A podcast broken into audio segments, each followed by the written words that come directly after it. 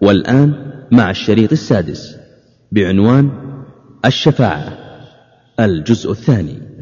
الحمد لله رب العالمين وصلى الله على نبينا محمد وعلى آله وصحبه أجمعين. وبعد فلا زال الحديث عن شفاعة النبي صلى الله عليه وسلم وذلك المقام العظيم يوم الحشر وقد تقدم أن والشفاعة السادسة هي شفاعة النبي صلى الله عليه وسلم لأهل الكبائر من أمته الذين دخلوا النار أن يخرجوا منها. وهذا من أصول اعتقاد أهل السنة والجماعة وهو متواتر عند أهل العلم ويقرر ذلك الأصل العام ما رواه الإمام أحمد والترمذي وغيرهما عن أنس رضي الله عنه قال قال رسول الله صلى الله عليه وسلم شفاعتي لأهل الكبائر من أمتي. حديث صحيح. ومعنى شفاعتي لأهل الكبائر من أمتي يعني أن يعفو الله عنهم. وأما الشفاعة لرفع الدرجات فهي للأتقياء والأولياء أما هذه فلأهل الكبائر.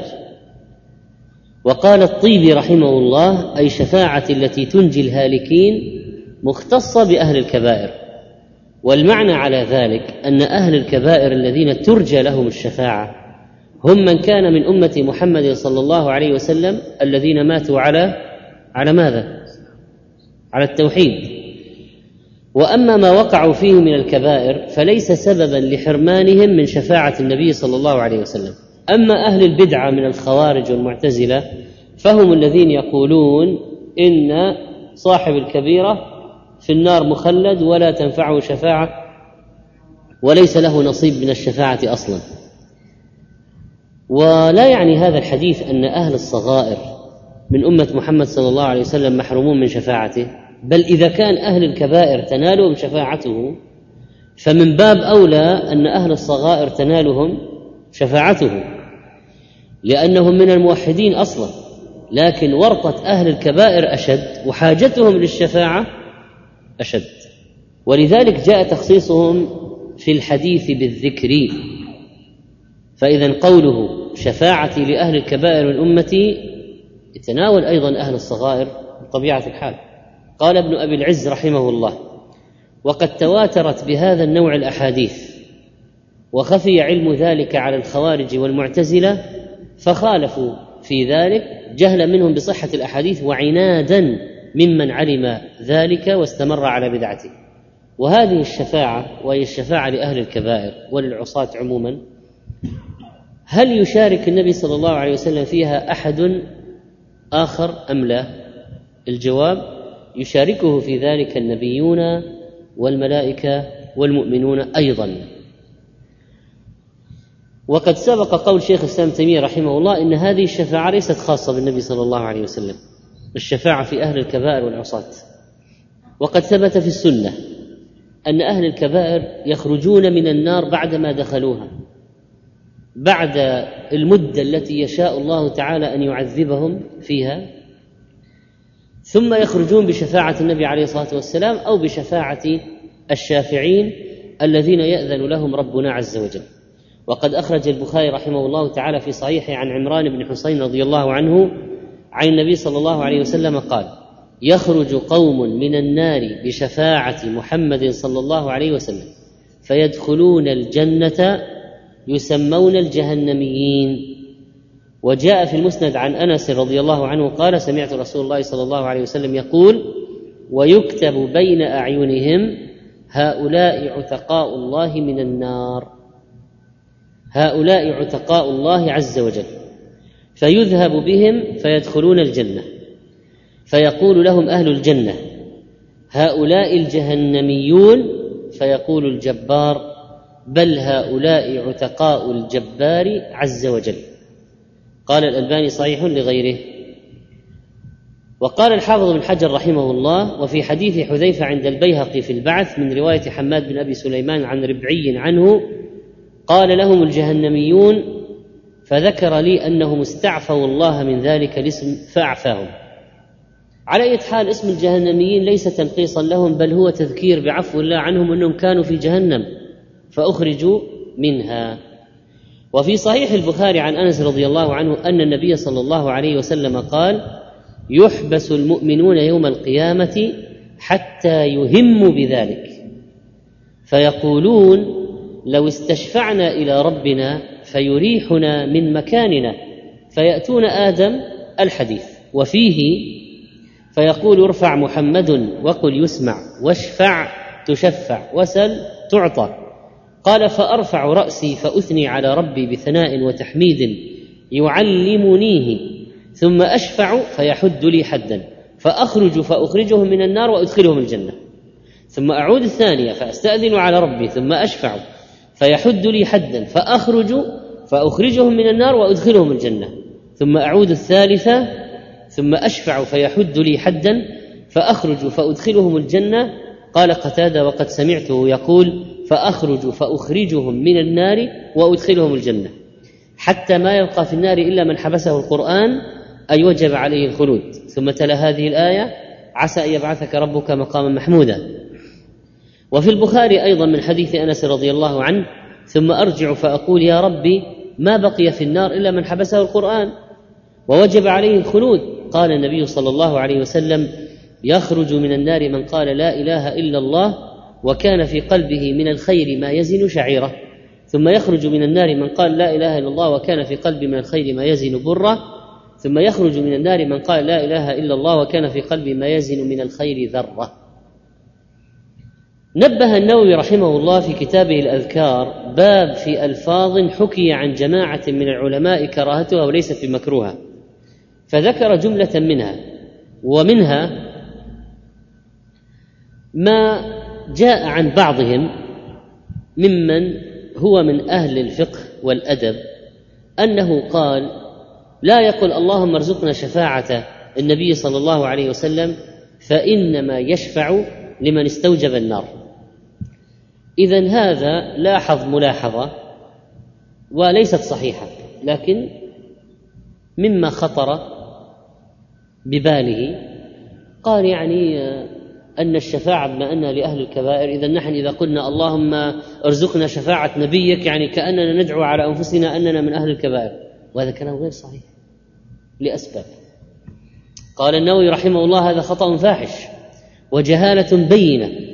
ولولا خوف الاغترار بهذا الغلط وكون قد ذكر في كتب مصنفة تمشي بين الناس لما تجاسرت على حكايته فكم من حديث في الصحيح جاء في ترغيب المؤمنين الكاملين بوعدهم شفاعة النبي صلى الله عليه وسلم. يعني الآن مثلا الذي يقول الذكر اللي بعد الأذان أليس من أسباب أن يرزق شفاعة محمد صلى الله عليه وسلم؟ فلو قيل له الكلام هذا خلاص يزهد الناس. أي شيء في الشفاعة؟ يقول لا نحن نريد الشفاعة. نحن معناها أننا حكمنا على أنفسنا أننا من أهل الكبائر ومن أهل النار. لكن الحقيقة ليست كذلك. وقد أحسن الإمام الحافظ الفقيه أبو الفضل عياض رحمه الله في رده على هذا الكلام فقال وقد عرف بالنقل المستفيض سؤال السلف الصالح رضي الله عنه شفاعة نبينا صلى الله عليه وسلم ورغبتهم فيها.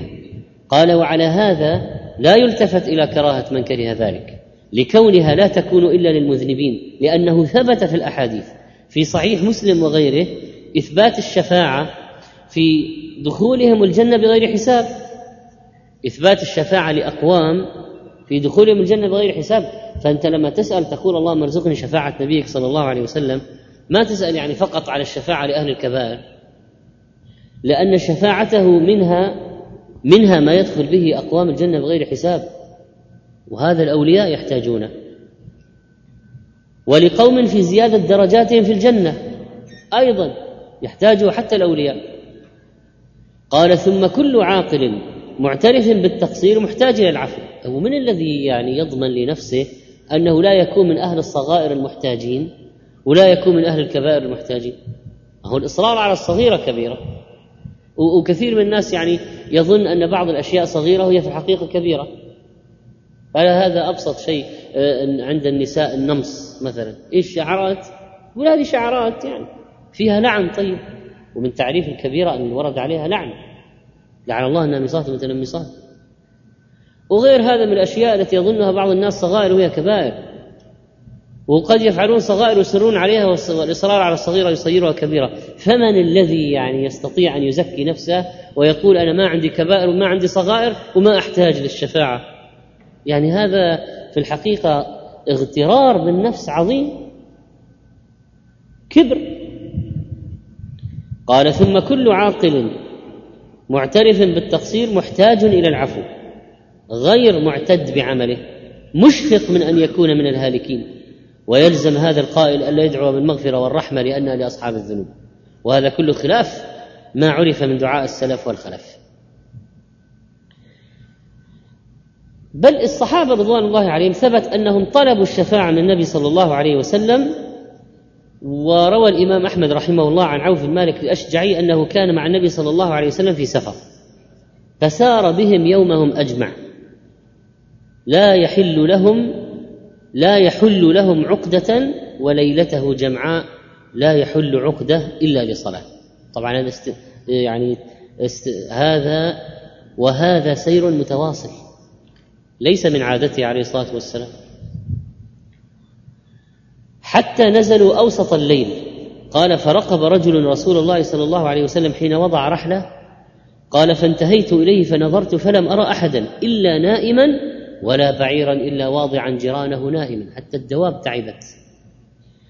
قال فتطاولت فنظرت حيث وضع رسول الله صلى الله عليه وسلم رحله فلم أره في مكانه فخرجت أتخطى الرحال حتى خرجت إلى الناس ثم مضيت على وجهي في سواد الليل فسمعت جرسا فانتهيت إليه فإذا أنا بمعاذ بن جبل والأشعري. فانتهيت إليهما فقلت أين رسول الله صلى الله عليه وسلم؟ فإذا هزيز كهزيز الرحى. فقلت كأن رسول الله صلى الله عليه وسلم عند هذا الصوت. قال اقعد اسكت. فمضى قليلا فأقبل حتى انتهى إلينا. فقمنا إليه فقلنا يا رسول الله فزعنا إذ لم نرك واتبعنا أثرك. فالصحابة رضوان الله عليهم حريصين على النبي صلى الله عليه وسلم جدا ولذلك حتى لو نزل الناس للراحة والنوم فهم يتفقدون هل هو موجود؟ هل أحد تعرض له بشيء؟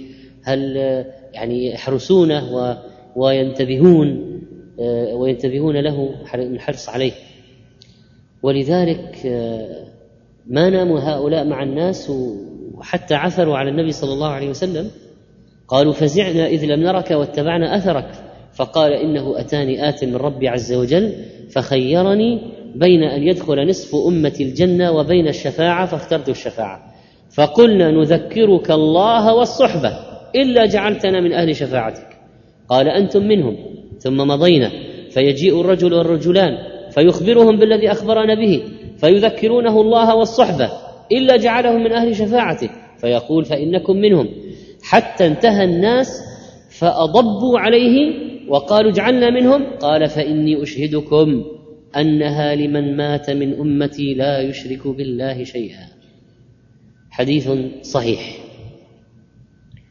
طيب من هم الشفعاء يوم القيامة؟ وقبل هذا طبعا يعني قد يقول بعض الناس يعني الحمد لله إذا نحن مرتاحين وما دام الشفاعة جاية كل واحد من الموحدين ونحن من الموحدين فالحمد لله نحن بخير ويوم القيامة أكيد ما علينا شيء. فنقول كيف هذا؟ الآن من شفاعته لأهل الكبائر أنه يخرجهم من النار وقد احترقوا وقد مضى عليهم ما شاء الله من العذاب. ومن مستعد يعني أن يقول آه، طيب وحتى لو كنا من أهل الكبائر فسنخرج؟ طيب وأنت تصبر على لذعة نار. مستعد. يعني أن تدخل جهنم على كبائر يوم ويومين وسنة وسنتين حتى تدركك الشفاعة. فما هذا الاغترار؟ طيب من هم الشفعاء؟ مر بنا أن النبي عليه الصلاة والسلام له شفاعات خاصة وله شفاعة يشترك فيها معه المؤمنون والملائكة والأنبياء. والله تعالى جعل صفوة من عباده الأخيار شفعاء يشفعون في رفع درجات المؤمنين أو في إخراجهم من النار. ومقام الشفاعة في الحقيقة هو مقام تكريم. يعني الله عز وجل إذا أذن لشخص أن يشفع معناه أنه يعني كرمه جدا أنه جعله بمنزلة من يقبل طلبه. في ذلك اليوم الذي لا يشفع فيه أحد إلا بإذن الرحمن. ورضي له قوله يعني إن الله عز وجل راضي عنه ورضي عن قوله وأن له منزلة عند الله أنه صاحب دين متين ولذلك صار مؤهلا أن تقبل شفاعته. إنها إظهار لمكانة الشفيع وعلو منزلة عند الله. ولذلك قال ابن القيم رحمه الله فلذا أقام الشافعين كرامة لهم ورحمة صاحب العصيان فالشفاعة هي كرامة للشافع ورحمة للمشفوع له. ولأجل أنه مقام تكريم لا يؤذن بها إلا لعباد من الله إلا لعباد لله من المكرمين من أنبيائه ورسله وأوليائه وصالح المؤمنين والشهداء والصديقين. وقد ثبتت الإشارة إلى شفاعة الأنبياء والملائكة والمؤمنين في حديث واحد في صحيح مسلم عن أبي سعيد رضي الله عنه قال فيقول الله عز وجل شفعت الملائكة وشفع النبيون وشفع المؤمنون ولم يبق إلا أرحم الراحمين. وفي المسند من حديث أبي سعيد مرفوعا ثم يشفع الأنبياء في كل من كان يشهد أن لا إله إلا الله مخلصا مخلصا. فيخرجونهم منها. قال ثم يتحنن الله برحمته على من فيها. فما يترك فيها عبدا في قلبه مثقال حبة من إيمان إلا أخرجه منها. قال الشيخ مقبل الحديث بهذا السند حسن.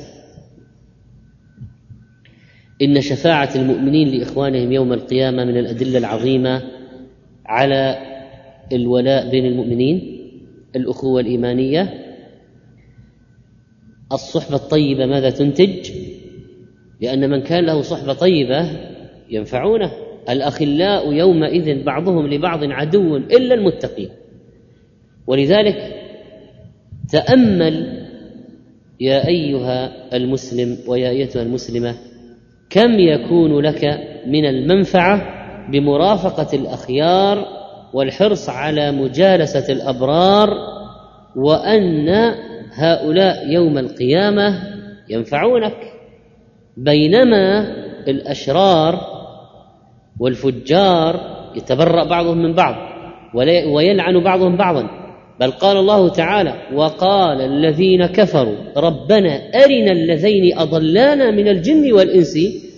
لماذا؟ ماذا سيفعلون بهم؟ نجعلهما تحت أقدامنا ليكونا من الأسفلين. ولنتامل كيف أن هؤلاء المحبين والأخلاء الصادقين يناشدون ربهم ويشفعون لإخوانهم ويحرصون عليهم ويسألونه سؤال الملحف. روى البخاري ومسلم عن أبي سعيد الخدري رضي الله عنه في حديث المرور على الصراط. قال في الناس الذين سقطوا في النار من الموحدين ثم يشفق المؤمنون على إخوانهم هؤلاء الذين في النار سقطوا. فيذهبون لمناشدة الله. قال عليه الصلاة والسلام فما أنتم بأشد لي مناشدة في الحق قد تبين لكم من المؤمنين يومئذ للجبار. إذا رأوا أنهم قد نجوا المؤمنون الكبار إذا رأوا أنهم قد نجوا في إخوانهم. يعني ما منكم من أحد يناشد الله تعالى في الدنيا في استيفاء حقه أو استقصائه وتحصيله من خصمه والمتعدي عليه بأشد من مناشدة المؤمنين لله تعالى في الشفاعة لإخوانهم يوم القيامة. خذ أكثر واحد يناشد الآن في الدنيا ويلح. المؤمنون في يوم القيامة يناشدون الله أشد منه لمصلحة إخوانهم الذين سقطوا في النار بسبب المعاصي والكبائر والذنوب فيلحون على الله من أجل إخوانهم. ماذا يقولون؟ جاء في الحديث الصحيح يقولون ربنا إخواننا كانوا يصلون معنا ويصومون معنا ويعملون معنا. فيقول الله تعالى اذهبوا فمن وجدتم في قلبه مثقال دينار من إيمان فأخرجوه. ويحرم الله صورهم على النار. فإذا الوجوه تبقى محفوظة ولا إذا احترقت يعني تشوهت ذهبت المعالم كيف سيعرفونهم؟ فالله تعالى يحرم الصورة على النار حتى يعرف المؤمنون الشافعون إخوانهم الذين يعذبون لكي يخرجوهم. قال فيأتونهم وبعضهم قد غاب في النار إلى قدمه وإلى أنصاف ساقيه فيخرجون من عرفوا ثم يعودون فيقولوا فيقول اذهبوا فمن وجدتم في قلبه مثقال نصف دينار فأخرجوه فيخرجون من عرفوا ثم يعودون فيقول اذهبوا فمن وجدتم في قلبه مثقال ذرة من إيمان فأخرجوه فيخرجون من عرفوا. قال أبو سعيد فإن لم تصدقوني فاقرؤوا إن الله لا يظلم مثقال ذرة.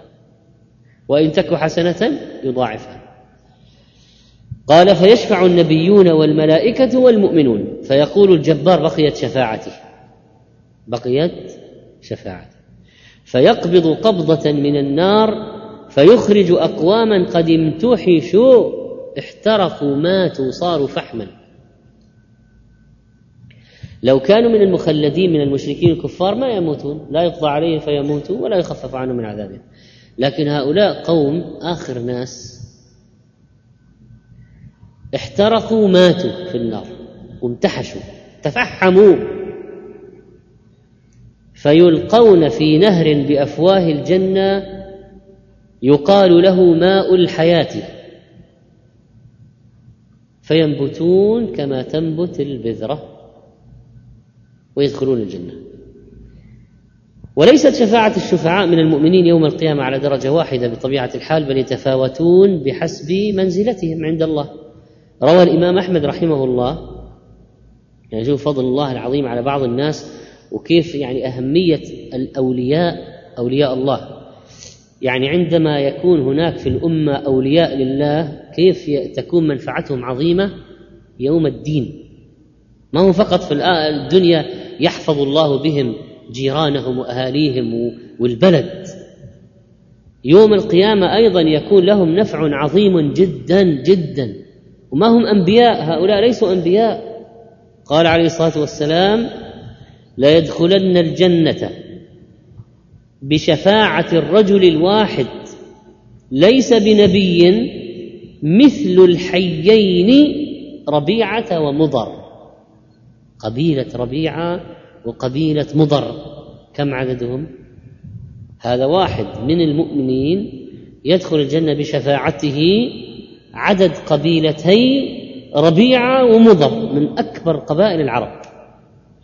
رواه أحمد وحسنه الألباني في الصحيحه وفي تحقيق المسند صحيح بطرقه. وكذلك روى الإمام أحمد والترمذي عن أبي سعيد الخدري رضي الله عنه أن رسول الله صلى الله عليه وسلم قال إن من أمتي من يشفع للفئام من الناس ومنهم من يشفع للقبيلة ومنهم من يشفع للعصبة ومنهم من يشفع للرجل حتى يدخل الجنة. وهذا الحديث فيه ضعف رواه الترمذي لكن يبين يعني معناه في الجملة صحيح أن الشافعون يتفاوتون أن الشافعين يتفاوتون. ومعنى يشفع للفئام الجماعة من الناس والعصبة نعم سنعيد الحديث.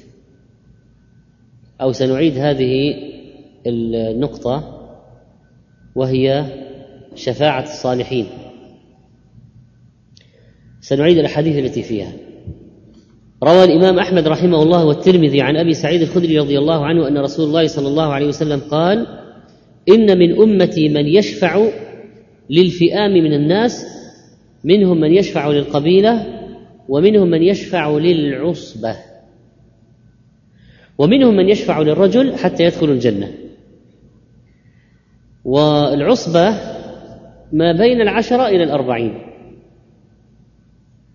ما إن مفاتحه لتنوء بالعصبة أولي القوة. العصبة من العشرة إلى الأربعين من الرجال. وكذلك روى الإمام أحمد والترمذي عن عبد الله بن أبي الجدعاء أنه سمع النبي صلى الله عليه وسلم يقول ليدخلن الجنة بشفاعة رجل من أمتي أكثر من بني تميم. كم عدد بني تميم؟ فقالوا يا رسول الله سواك يعني ظنوا إنه هو الذي غيرك يعني واحد غيرك. قال سواي، سواي للتأكيد على أن هذا الرجل غير النبي عليه الصلاة والسلام. بشفاعة رجل من أمتي أكثر من بني تميم. من هو؟ قيل أبو بكر الصديق قيل عثمان بن عفان قيل أويس القرني. لا نستطيع أن نعينه بدون دليل صحيح لكنه لا شك أنه من كبار أولياء الله. واحد يدخل يدخل الجنة بسببه أكثر من بني تميم؟ واحد آه، ستكون شفاعته إلى هذه الدرجة. ماذا عن شفاعة الشهداء؟ روى الإمام أحمد والترمذي وابن ماجه عن المقدام بن معدي كرب رضي الله عنه قال قال رسول الله صلى الله عليه وسلم للشهيد عند الله ست خصال يغفر له في أول دفعة يعني من دمه ويرى مقعده من الجنة ويجار من عذاب القبر ويأمن من الفزع الأكبر ويوضع على رأسه تاج الوقار الياقوتة منه خير من الدنيا وما فيها ويزوج اثنتين وسبعين زوجة من الحور العين ويشفع في سبعين من أقاربه. سبعين سبعين. وفي رواية كلهم قد وجبت له النار. كلهم استحقوا دخول النار. رواه ابن ماجه وصححه الألباني. تقبل شفاعة الشهيد في هذا. أيضا من الناس الذين تؤثر شفاعتهم بعض الأبناء لبعض الآباء وبعض الآباء لبعض الأبناء. لا سيما الأطفال الصغار الذين يموتون في حياة آبائهم ويصبر آباؤهم على فقدهم. روى الإمام مسلم رحمه الله عن أبي حسان قلت لأبي هريرة إنه قد مات لي ابنان فما أنت محدثي عن رسول الله صلى الله عليه وسلم بحديث تطيب به أنفسنا عن موتانا؟ وهذا طلب جميل يعني يطلب من أبي هريرة يقول يعني مات لي ابنان لو تحدثني بحديث تسري عني. قال نعم. صغارهم دعاميص الجنة. يتلقى أحدهم أباه أو قال أبويه فيأخذ بثوبه أو قال بيده كما آخذ أنا بصنفة ثوبك هذا فلا يتناهى أو قال فلا ينتهي حتى يدخله الله وأباه الجنة. اذا الصغار الذين ماتوا قبل البلوغ قال دعاميص الجنة جمع دعموس. والدعموس أصلا في اللغة دويبة في الماء لا تفارقه. والمقصود بها هنا أن هذا الصغير في الجنة لا يفارقها. فاذا الدعاميص هؤلاء هؤلاء دعاميص الجنة يأخذ الواحد بيد أبيه وأمه ويدخل بهما الجنة. وصنفه الثوب طرفه وقوله لا يتناهى حتى يدخله الجنة يعني لا يتركه حتى يدخله الجنة. وفي المسند عن أبي هريرة قال قال رسول الله صلى الله عليه وسلم ما من مسلمين يموت لهما ثلاثة أولاد لم يبلغوا الحنث إلا ادخلهما الله وإياهم بفضل رحمته الجنة. يقال لهم ادخلوا الجنة فيقولون حتى يجيء أبوانا. قال ثلاث مرات فيقولون مثل ذلك فيقال لهم ادخلوا الجنة أنتم وأبواكم. حديث صحيح. وفي مسند أحمد وسنن ابن ماجه عن أبي هريرة رضي الله عنه قال قال رسول الله صلى الله عليه وسلم إن الله عز وجل ليرفع الدرجة للعبد الصالح في الجنة. فيقول يا رب انى لي هذا. يعني أنا أعرف عملي ما ما يوصلني لهذه الدرجة. فمن أين قال فيقول باستغفار ولدك لك. وحسنه الألباني. قال السندي رحمه الله فينبغي للولد أن يستغفر للوالدين لأن كثرة الاستغفار للوالدين ستنفعهما يوم الدين. أما شفاعة أرحم الراحمين فإنه يشفع. فإن قال قائل كيف يشفع؟ لمن يشفع؟ هو يشفع عنده. فالجواب يشفع إلى نفسه حيث وقفت أقدام الخلق وانقطعت شفاعتهم ولا يستطيع أحد أبعد من ذلك فهنا يشفع رب العالمين إلى نفسه لإخراج هؤلاء. ففي صحيح مسلم من حديث أبي سعيد الطويل في الشفاعة فيقول الله عز وجل شفعت الملائكة وشفع النبيون وشفع المؤمنون ولم يبق إلا أرحم الراحمين. وفي رواية البخاري فيشفع النبيون والملائكة والمؤمنون. فيقول الجبار بقيت شفاعتي. فيقبض قبضة من النار فيخرج أقواما قد امتحشوا. فيلقون في نهر بأفواه الجنة يقال له ماء الحياة. ومن هنا تظهر بعض آثار أسماء الرب عز وجل. وصفاته وكيف أن رحمته سبقت غضبه وأن عفوه سبق عقابه ولأجل ذلك كانت شفاعته إلى نفسه في شأن خلقه من أعظم ما ينجي أهل العذاب من العذاب. بل لولا سبق رحمته وعظيم بره ما كان قبل شفاعة شافع. ولا أقال عثرة عاثر فسبحانه من رحمن رحيم يحب العذر ويقيل العثرات. ونظير هذا والله أعلم قوله تعالى ففروا إلى الله إني لكم منه نذير مبين. وقد روى مسلم رحمه الله عن عائشة رضي الله عنها قالت فقدت رسول الله صلى الله عليه وسلم ليلة من الفراش فالتمسته فوقعت يدي على بطن قدميه وهو في المسجد وهما منصوبتان وهو يقول اللهم إني أعوذ برضاك من سخطك. وبمعافاتك من عقوبتك وأعوذ بك منك وأعوذ بك منك. لا أحصي ثناء عليك أنت كما أثنيت على نفسك. فكل أحد إذا خفته تفر منه إلا الله عز وجل فإنك إذا خفته هربت إليه. وإلى أين المهرب من الله؟ والحاصل أن مقام شفاعة الله إلى نفسه في رحمة خلقه وإخراج من النار تظهر فيها منة المنان. قال رسول الله صلى الله عليه وسلم ليتحمدن الله يوم القيامة على أناس ما عملوا من خير قط. وفي رواية لا وفي بعض النسخ ليتمجدن. فيخرجهم من النار بعدما احترقوا فيدخلهم الجنة برحمته بعد شفاعة من يشفع.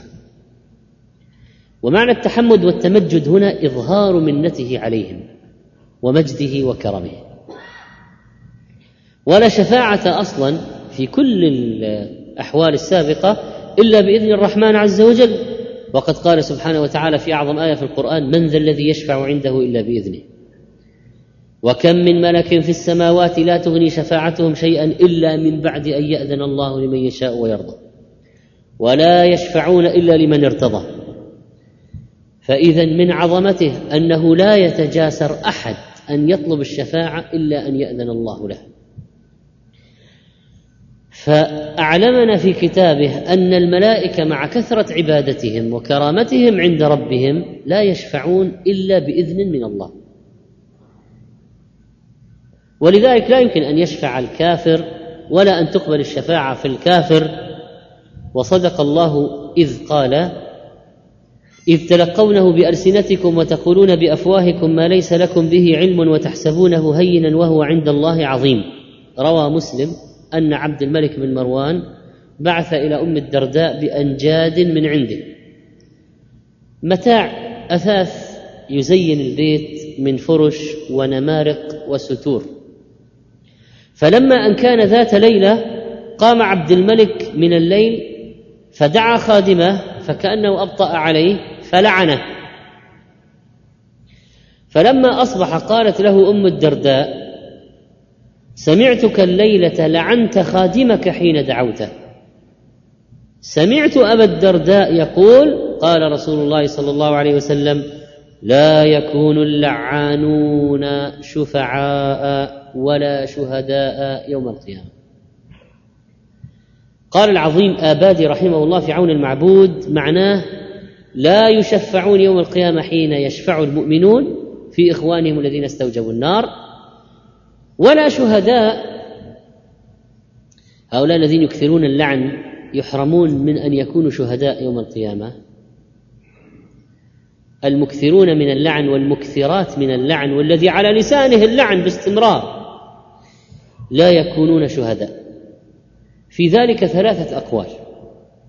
قال النووي أصحها وأشهرها لا يكونون شهداء يوم القيامة على الأمم بتبليغ الرسل إليهم الرسالات وهذا قد مضى شرحه. كيف تكون هذه الأمة تشهد لكل نبي أنه بلغ قومه؟ والثاني لا يكونون شهداء في الدنيا أي لا تقبل شهادتهم بفسقهم. اللعان لا تقبل شهادته والثالث لا يرزقون الشهادة في سبيل الله. فيحرمون بسبب كثرة لعنهم من أن يقتلوا في سبيل الله شهداء. الأسباب التي تنال بها الشفاعة ينبغي علينا معرفتها حتى نستكثر منها لكي ندخل في هذه المسألة العظيمة لأننا نحتاج والله للشفاعة يوم القيامة بجميع يعني هذه الشفاعة التي لها عدة أنواع. يوم تجثو كل أمة في دياجير مدلهمة وتكون الخطوب والكروب. ولذلك فإن سعي العبد لإدخال نفسه في الشفاعة بوسيلة من الوسائل أمر مهم. ولنستعرض بعض أسباب الشفاعة لأهمية ذلك. أولا الإخلاص وعدم الشرك الإخلاص وعدم الشرك بالله تعالى. وهذا هو الشرط الذي لا تقبل الشفاعة لأحد من دونه.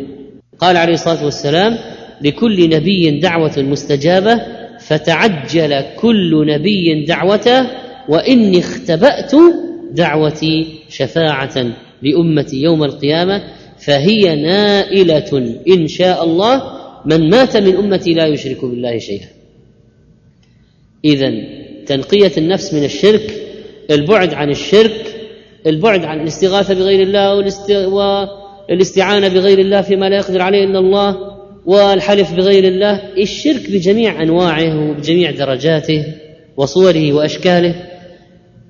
وحتى على جهة الألفاظ هذه التي يتساءل فيها الناس لولا الله وفلان ما شاء الله وجئت. ولذلك فإن النبي عليه الصلاة والسلام لما سئل يا رسول الله من أسعد الناس بشفاعتك يوم القيامة؟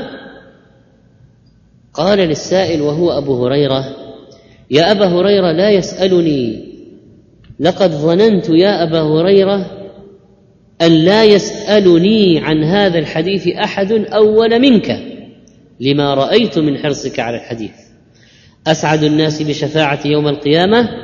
من قال لا إله إلا الله خالصا من قلبه أو نفسه. قال ابن حجر رحمه الله من قال لا إله إلا الله احتراز من المشرك. والمراد بقوله لا إله إلا الله يعني ومحمد رسول الله أيضا. فاكتفى بالجزء الأول بذكره عن الجزء الثاني ولا المراد الأمران معا.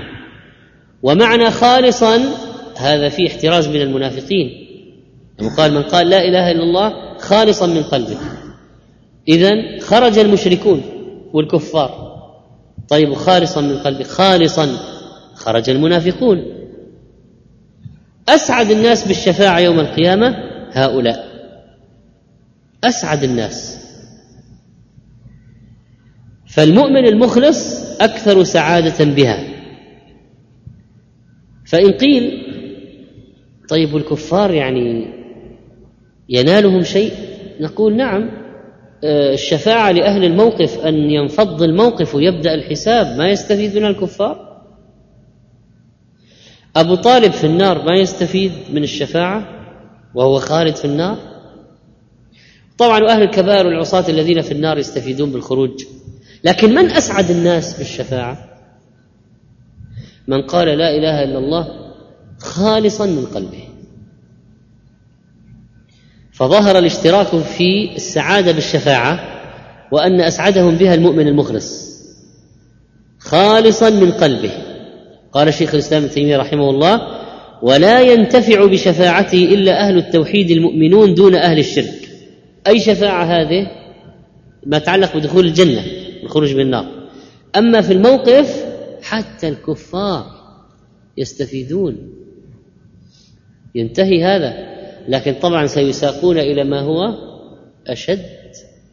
عذاب النار أشد من كروبات الموقف. ولو كان المشرك محبا له معظما له لم تنقذه شفاعته من النار. لو كان المشرك محبا له معظما له لم تنقذه شفاعته من النار. وإنما ينجيه من النار التوحيد والإيمان به. ولهذا لما كان أبو طالب وغيره يحبونه ولم يقر يقر بالتوحيد الذي جاء به لم يمكن أن يخرجوا من النار بشفاعته ولا بغيرها. فهذا في رد على من قال أنا مجرد حب القلب للنبي يكفيني في النجاة. نقول لا ما يكفيك. أبو طالب كان يحب النبي عليه الصلاة والسلام. وما ما نجا. ولذلك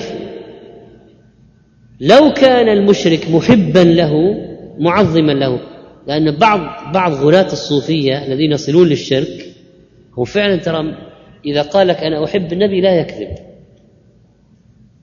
أقول بعض غلاة الصوفية الذين يصلون للشرك إذا قال لك أنا أحب النبي هو لا يكذب. هو فعلا يحب النبي ولا يكذب. لكن ما تنفعه. حتى تكون المحبة حقيقية شرعية. ما هو مجرد ميل القلب. لازم يكون شرعية قل إن كنتم تحبون الله فاتبعوني. ولا بد يكون موحدا. فإذا قد يوجد من المشركين من يحب محمدا صلى الله عليه وسلم ولكن هذا لا ينفعه.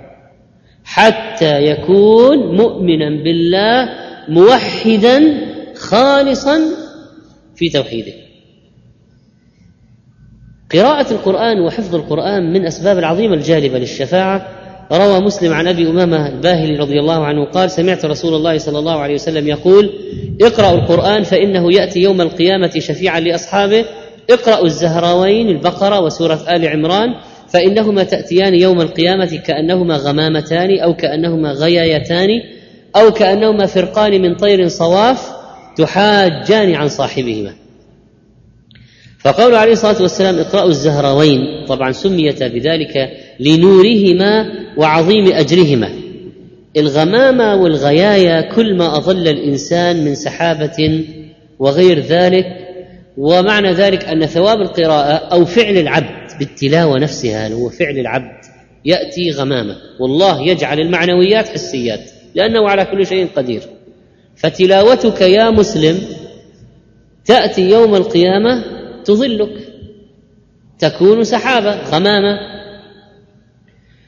وورد أيضا عن النبي صلى الله عليه وسلم أنه قال في القرآن القرآن شافع مشفع وماحل مصدق.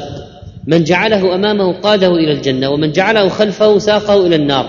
رواه الطبراني وصححه الألباني.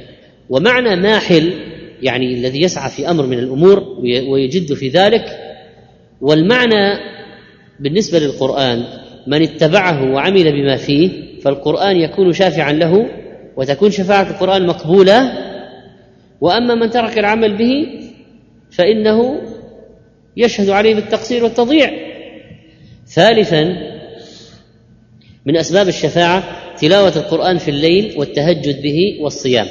روى الإمام أحمد عن عبد الله بن عمرو رضي الله عنهما أن رسول الله صلى الله عليه وسلم قال الصيام والقرآن يشفعان للعبد يوم القيامة. يقول الصيام أي رب منعته الطعام والشهوات بالنهار فشفعني فيه. ويقول القرآن منعته النوم بالليل فشفعني فيه. قال فيشفعان. حديث صحيح. وهذا أيضا من أمور الغيب وفعل العبد من التلاوة والصيام. يوم القيامة تأتي وتشفع. رابعا طلب الوسيلة للنبي صلى الله عليه وسلم بعد الأذان. روى البخاري عن جابر رضي الله عنه أن رسول الله صلى الله عليه وسلم قال من قال حين يسمع النداء اللهم رب هذه الدعوة التامة والصلاة القائمة آت محمدا الوسيلة. هذه الوسيلة درجة عظيمة في الجنة منزله عليه لا تنبغي إلا للنبي عليه الصلاة والسلام. آت محمدا الوسيله والفضيلة وابعثهما مقاما محمودا الذي وعدته. ماذا يكون لمن قال هذا الكلام؟ قال حلت له شفاعتي يوم القيامة. الوسيلة أصلا ما يتقرب به إلى الكبير وتطلق على المنزلة العلية أيضا.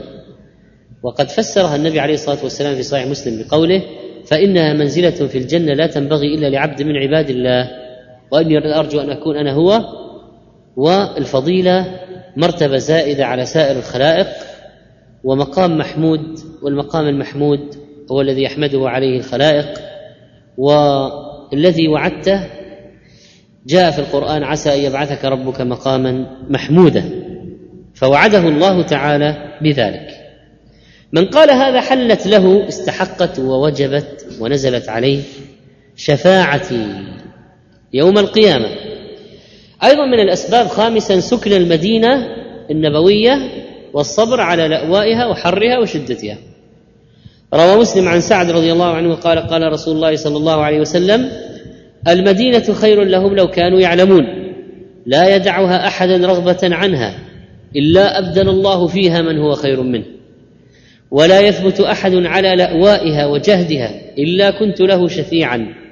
أو شهيدا يوم القيامة. إذا الشاهد إلا كنت له شفيعا. نقل القاضي عياض رحمه الله عن بعض شيوخه أن هذه شفاعة أخرى غير العامة التي هي لإخراج أمته من النار ومعافاة بعضهم منها بشفاعته صلى الله عليه وسلم يوم القيامة. طيب ما هي هذه الشفاعة؟ قال وتكون هذه الشفاعة لأهل المدينة بزيادة الدرجات أو تخفيف الحساب أو بما شاء الله من ذلك أو بإكرامهم يوم القيامة بأنواع من الكرامة كإيوائهم إلى ظل العرش أو كونهم في روح على المنابر أو الإسراع بهم إلى الجنة أو غير ذلك من الكرامات. ما حال المشركين في الشفاعة؟ الشفاعة فضل وكرم من الله ولا يقدم عليها إلا من أذن له الله والله لا يمكن أن يأذن في الشفاعة لمشرك. وقد قال عز وجل إن تكفروا فإن الله غني عنكم ولا يرضى لعباده الكفر. دين الله لا يرضى عنه الكافرين الكافرون. و الله سبحانه وتعالى لا يرضى عنهم. يحلفون لكم لترضوا عنهم فإن ترضوا عنهم فإن الله لا يرضى عن القوم الفاسقين. إنه لا يحب الكافرين. ولا يرضى لعباده الكفر. ولذلك كانت الشفاعة خاصة بالمؤمنين. قال تعالى عن الكفار طب أي شفاعة نتكلم عنها الآن؟ شفاعة الخروج من النار. الشفاعة في إدخال الجنة. هذه لا يمكن أن ينالها الكفار. الكفار يستفيدون من شفاعة المقام المحمود تبعا لغيرهم من الناس. أن يفرج عنهم بعد المدة الطويلة ولكن ماذا سيستفيدون إذا كانوا سيذهبون إلى النار؟ في الحقيقة. لكن شفاعة في الخروج من النار شفاعة في دخول الجنة هذه لا ينالها الكفار أبدا. قال تعالى فما تنفعهم شفاعة الشافعين. بل إنهم يقولون متندمين يوم القيامة في النار فما لنا من شافعين ولا صديق حميم فلو أن لنا كرة فنكون من المؤمنين. وقال عليه الصلاة والسلام فأنا أشهدكم أن شفاعتي لمن لا يشرك بالله شيئا من أمتي. فهذا الحديث الصحيح. والآخر فهي نائلة إن شاء الله من مات من أمتي لا يشرك بالله شيئا يدل على أن المشرك لا تناله هذه الشفاعة. وتحمل جميع الآيات التي تنفع الشفاعة يوم القيامة أو تكون فيها نافعة على هذا المعنى. فقوله تعالى يا أيها الذين آمنوا أنفقوا مما رزقناكم من قبل أن يأتي يوم لا بيع فيه ولا خلة ولا شفاعة. أخبر تعالى أنه سيأتي اليوم الذي لا تنفع فيه الشفاعة للكفار ولا يشفع بعضهم لبعض ولا يشفع لهم غيرهم لا يشفع فيهم غيرهم والكافرون هم الظالمون أجمع المفسرون على أن المراد بقوله تعالى واتقوا يوما لا تجزي نفس عن نفس شيئا ولا يقبل منها شفاعة أنها النفس الكافرة وليس كل نفس كما قال القرطبي رحمه الله إذا يوم لا بيع فيه ولا خلة ولا شفاعة وقوله تعالى ولا يقبل منها شفاعة إيش المقصود بالنفي هنا؟ الشفاعة للكفار أو في الكفار. ليس لهم من دونه ولي ولا شفيع. اليهود والنصارى لما زعموا أن أباهما يشفع لهما لما قالوا نحن أبناء الله وأحباؤه أعلمهم أن الشفاعة لا تكون لهم. وقوله ولا يقبل منها شفاعة قال ابن كثير يعني من الكافرين. كما قال فما تنفعهم شفاعة الشافعين وكما قال عن أهل النار فما لنا من شافعين. وقال تعالى إن الذين كفروا وماتوا وهم كفار فلن يقبل من أحدهم ملء الأرض ذهبا ولو افتدى به. هذا معنى ولا يؤخذ منها عدل لا يؤخذ منها فك رقبة لا يؤخذ منها شيء يعتقها لا يؤخذ منها مقابل ينجيها. الإنسان في الدنيا إذا وصل على مكان قد ضيق شدة أحيانا يدفع رشوة يدفع شيء يخلص نفسه من سجن من تعذيب يخلص نفسه. يوم القيامة ما في. تنبيه ورد في حق أبي طالب عم النبي صلى الله عليه وسلم ما رواه البخاري ومسلم أن العباس بن عبد المطلب رضي الله عنه قال العباس أخو, أخو أبي طالب كلاهما عم النبي عليه الصلاة والسلام. العباس يقول للنبي عليه الصلاة والسلام ما أغنيت عن عمك فإنه كان يحوطك ويغضب لك. أبو العباس قلق على مصير من على مصير أخيه. فيقول العباس للنبي عليه الصلاة والسلام ما أغنيت عن عمك فإنه كان يحوطك ويغضب لك. قال هو في ضحضاح من نار. ولولا أنا لكان في الدرك الأسفل من النار. وفي رواية في الصحيحين أن النبي عليه الصلاة والسلام قال لعله تنفعه شفاعتي يوم القيامة فيجعل في ضحضاح من نار يبلغ كعبيه يغلي منه دماغه. فقول ما أغنيت عن عمك يعني أبا طالب كان يحوطك من الحياطة وهي الرعاية المراعاة. وكان أبو طالب عضدا وناصرا يدافع عن النبي عليه الصلاة والسلام ومنعه لو كان أبو طالب تخلى عنا نالوه بأشياء عظيمة. ولذلك لما هلك أبو طالب نالت قريش من النبي عليه الصلاة والسلام. ما لم تكن تستطيع أن تناله أبو طالب على قيد الحياة حتى يروى أن سفيها من سفهاء قريش اعترض النبي عليه الصلاة والسلام وضع التراب فوق رأسه. فيقول العباس كان يحوطك يعني أبو طالب ويغضب لك يرد عنك الأذى. قال هو في ضحضاح الضحضاح من الماء ما يبلغ الكعب والمعنى خفف عنه العذاب بسببه. هو رفض أن يقول كلمة التوحيد ورفض أن يسلم يعني مشرك يعني مات على الكفر يعني مخلد في النار. وإيش عذاب المشرك؟ في النار في سواء الجحيم. لكن بسبب النبي عليه الصلاة والسلام خفف عن أبي طالب. لكن الشفاعة ما تنفع المشرك في الخروج من النار. لكن حالة خاصة لأبي طالب بشفاعة محمد صلى الله عليه وسلم. فتبين أن النبي عليه الصلاة والسلام نفع عمه بتقليل العذاب لكن لأن الله حكم على المشركين أنهم لا يخرجون من النار أبدا فلا بد أن يبقى في النار. قال ابن حجر رحمه الله واستشكل قوله تنفعه شفاعتي مع قوله تعالى فما تنفعه شفاعة الشافعين وأجيب بأن هذا خص به النبي عليه الصلاة والسلام وعدوه في خصائصه. ويقال أيضا المنفعة المنفية ما تنفعهم شفاعة الشافعين يعني في الخروج من النار. والمنفعة التي حصلت هي منفعة تخفيف وليست منفعة خروج.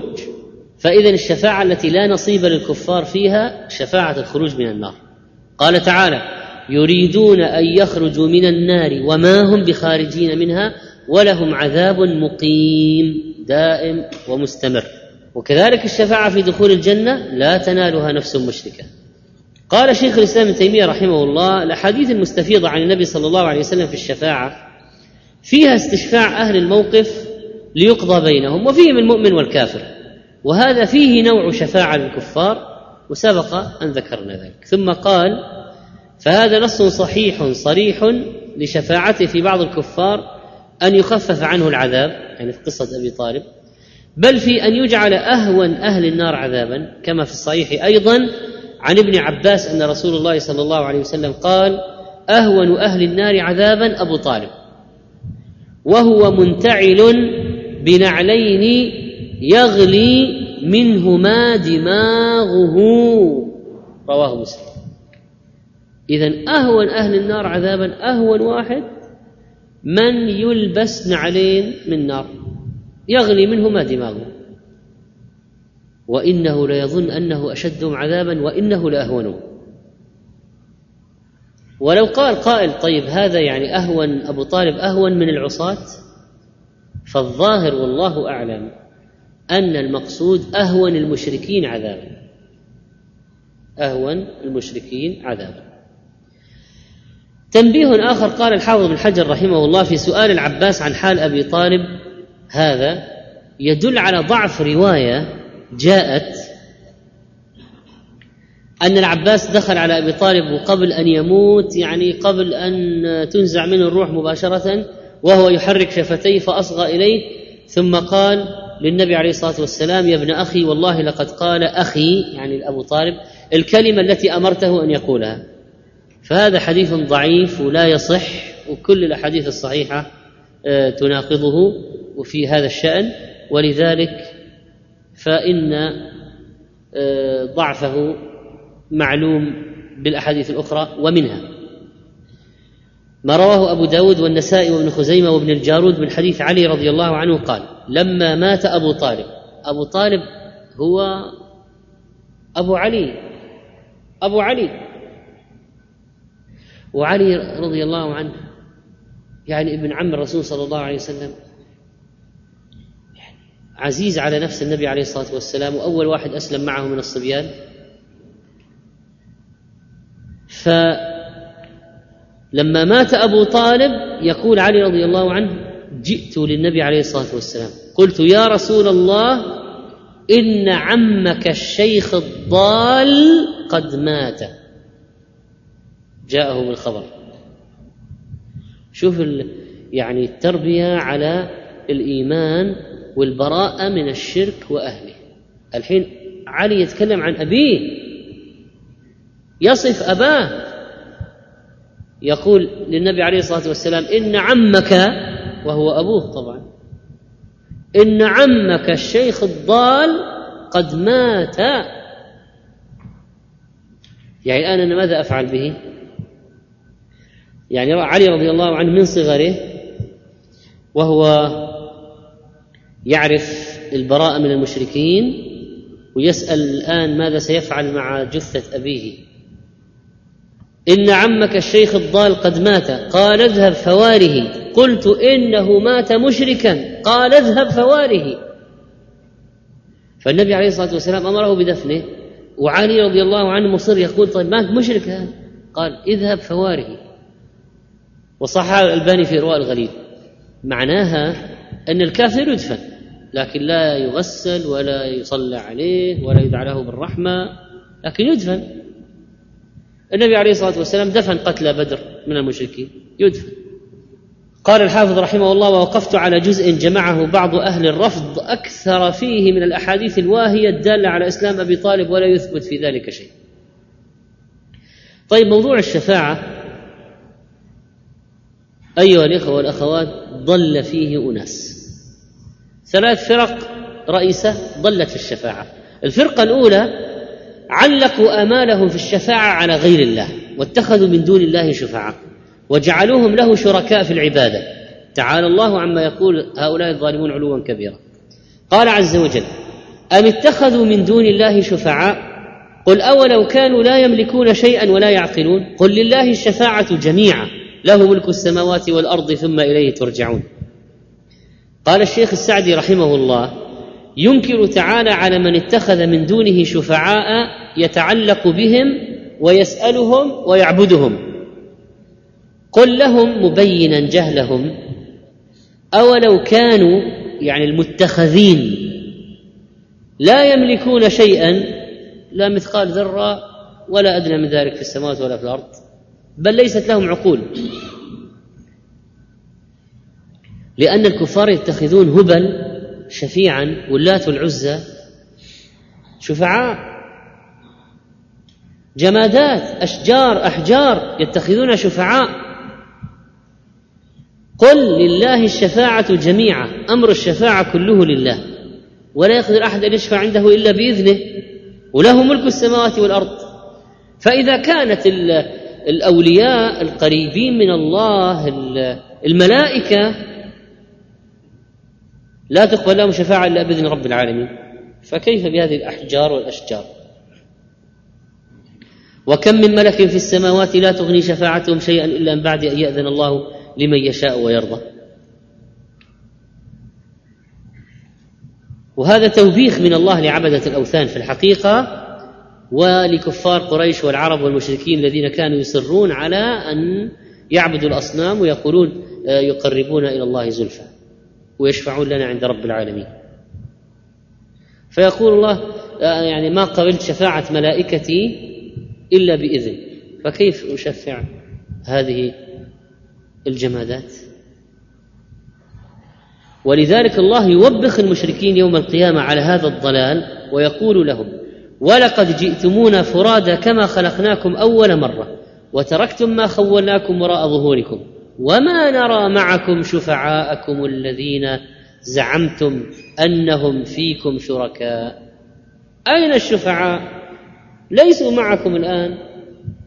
لقد تقطع بينكم وضل عنكم ما كنتم تزعمون. وقال تعالى ولم يكن لهم من شركائهم شفعاء وكانوا بشركائهم كافرين.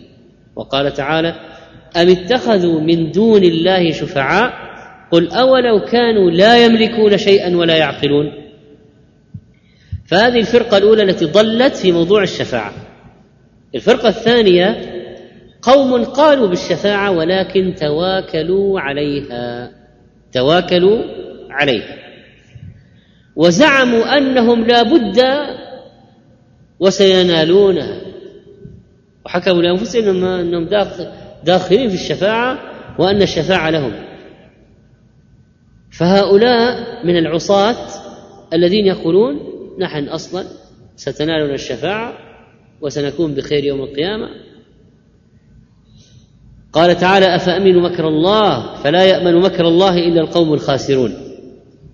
وقال أحدهم يعبر عن هذا بشعره يقولون لي لم ركبت بطالتي ركوب فتى جم الغواية معتدي؟ يقولون لي لم ركبت بطالتي؟ يعني صرت بطال ما في طاعات ولا ولاهي وفي المعاصي. يقولون لي لم ركبت بطالتي ركوب فتى جم الغواية معتدي؟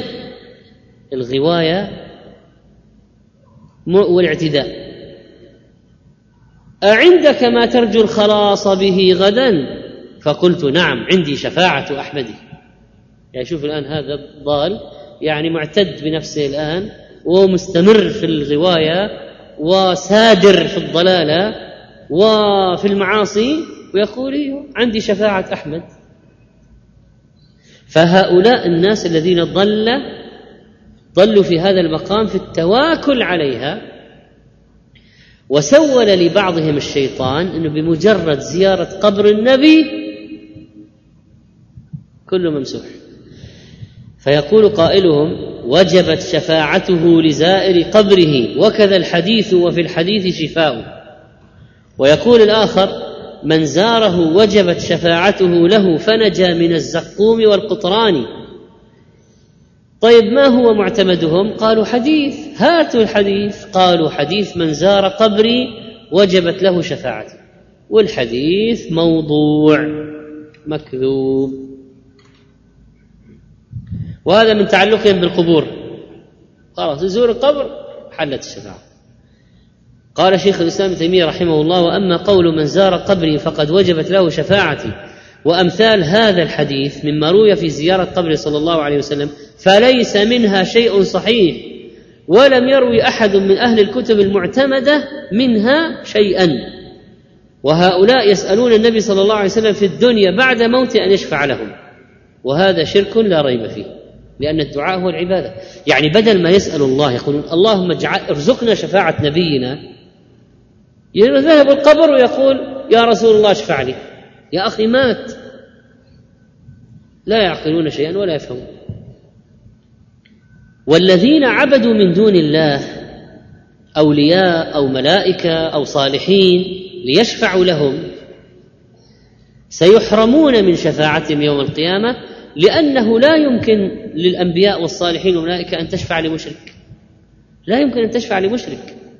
فهم يظنون أنفسهم سيستفيدون من شفاعة هؤلاء فينذرون لهم ويسألونهم في القبور ويطوفون بقبورهم ويعبدونهم ويقولون يقربون زلفى عند الله يشفعون لنا يوم القيامة. يوم القيامة سيتبرؤون منكم. قل ادعوا الذين زعمتم من دونه فلا يملكون كشف الضر عنكم ولا تحويلا. أولئك الذين يدعون يبتغون إلى ربهم الوسيلة أيهم أقرب ويرجون رحمته ويخافون عذابه. إن عذاب ربك كان محذورا. قال طائفة من السلف أقوام يعبدون المسيح والعزير والملائكة. فبين الله أنهم لا يملكون كشف الضر عنهم ولا تحويله. أولئك الذين يدعون يعني الذين يدعونهم الكفار من دون الله. كالمسيح وعزير والملائكة هم يبتغون إلى ربهم الوسيلة هم يعبدون الله ويرجون رحمته ويخافون عذابه. فأنتم الآن دعوتم أشخاص موحدين لله تشركون بالله عز وجل تشركون فيهم مع الله. ثم تقولون يشفعون لنا يوم القيامة؟ طيب هؤلاء الذين عبدتموهم وأشركتم بهم هم موحدين. ولن يشفعوا لكم يوم القيامة؟ قال فبين أن هؤلاء المزعومين الذين يدعونهم من دون الله كانوا يرجون رحمة الله ويخافون عذابه ويتقربون إليه بالأعمال الصالحة كسائر عباده المؤمنين. وقد قال عز وجل ولا يأمركم أن تتخذوا الملائكة والنبيين أربابا. أيأمركم بالكفر بعد إذ أنتم مسلمون؟ وللناس في الشفاعة أنواع من الضلال. فمنهم من يظن أن الشفاعة بسبب اتصال روح الشافع بروح المشفوع له ومنهم من يقول من أكثر على النبي صلى الله عليه وسلم آه، الصلاة من كان أكثر صلاة كان أحق بالشفاعة من غيره وكذلك من كان أحسن ظنا بشخص وأكثر تعظيما له كان أحق بشفاعته قال ابن تيمية رحمه الله وهذا غلط بل هذا هو قول المشركين الذين قالوا نتولى ليش الملائكة ليشفعوا لنا. يظنون أن من أحب عبدا من الملائكة والأنبياء والصالحين وتولاه كان ذلك سببا لشفاعته له. وليس الأمر كذلك. طبعا إيش يقصد شيخ الإسلام؟ يقصد الاقتصار على محبته مع الوقوع في الشرك. ولمحبة النبي والولي والملك. عبادة نحن نحب الأنبياء والملائكة والملائكة والأولياء نحبهم ويجب أن نحبهم. لكن يقول بعض الناس يظنون مجرد محبة الولي تجعلك من أهل شفاعة يوم القيامة حتى لو كنت مشرك ولا ما تصلي ولا. فقال فيقول شيخ الإسلام ليس الأمر كذلك بل الشفاعة سببها سببها توحيد الله وإخلاص الدين والعبادة بجميع أنواعها يعني سبحان الله شوف الآن الآن الملك أو النبي أو الولي يوم القيامة سيشفع عند من؟ عند من سيشفع؟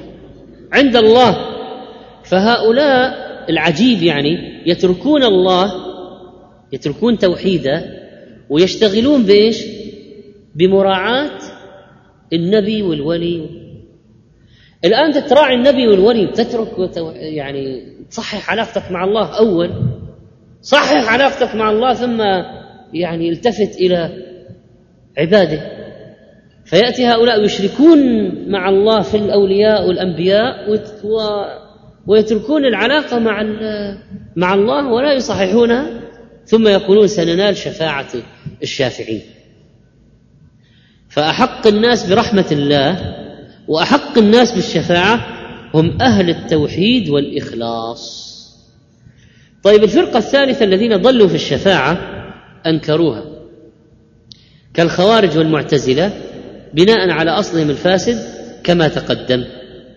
فأهل السنة أجمعوا عليها والخوارج المعتزلة منعوها وقالوا أهل الكبائر مخلدين في النار وما تنفعهم شفاعة فليس هناك شفاعة. انكروا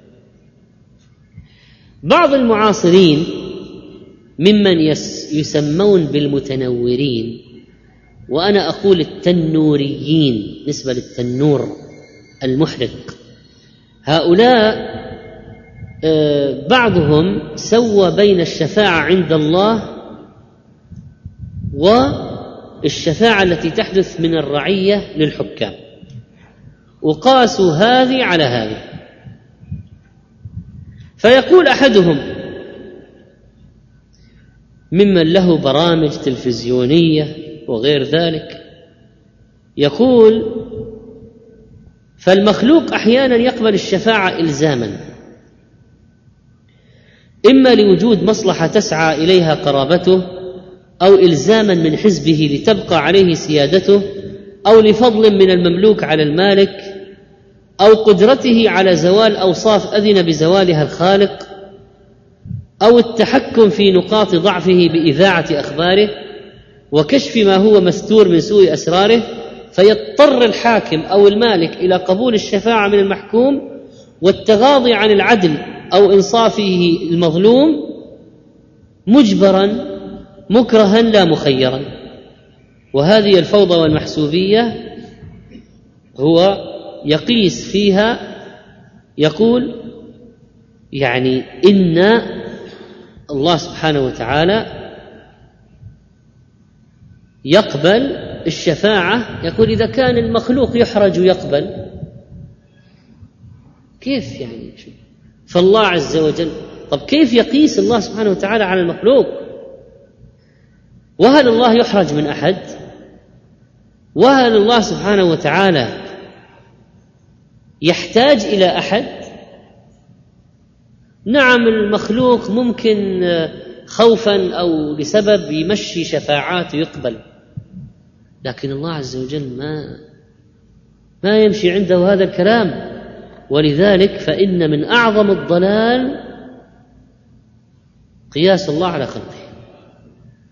وهذا يقول ويدعي أن الشفاعة التي وردت في الآيات تخالف ما جاءت في الأحاديث من كلمات وخلط ما جاء في أهل الشرك وما جاء في حق عصاة المؤمنين. على اية حال الشفاعة منزلة عظيمة ولها أسباب وقد عرفنا بعض الأعمال التي يرزق أصحابها الشفاعة بسببها. نسأل الله أن يرزقنا شفاعة النبي صلى الله عليه وسلم وأن يجعلنا من الناجين يوم الدين وصلى الله على نبينا محمد وعلى آله وصحبه أجمعين.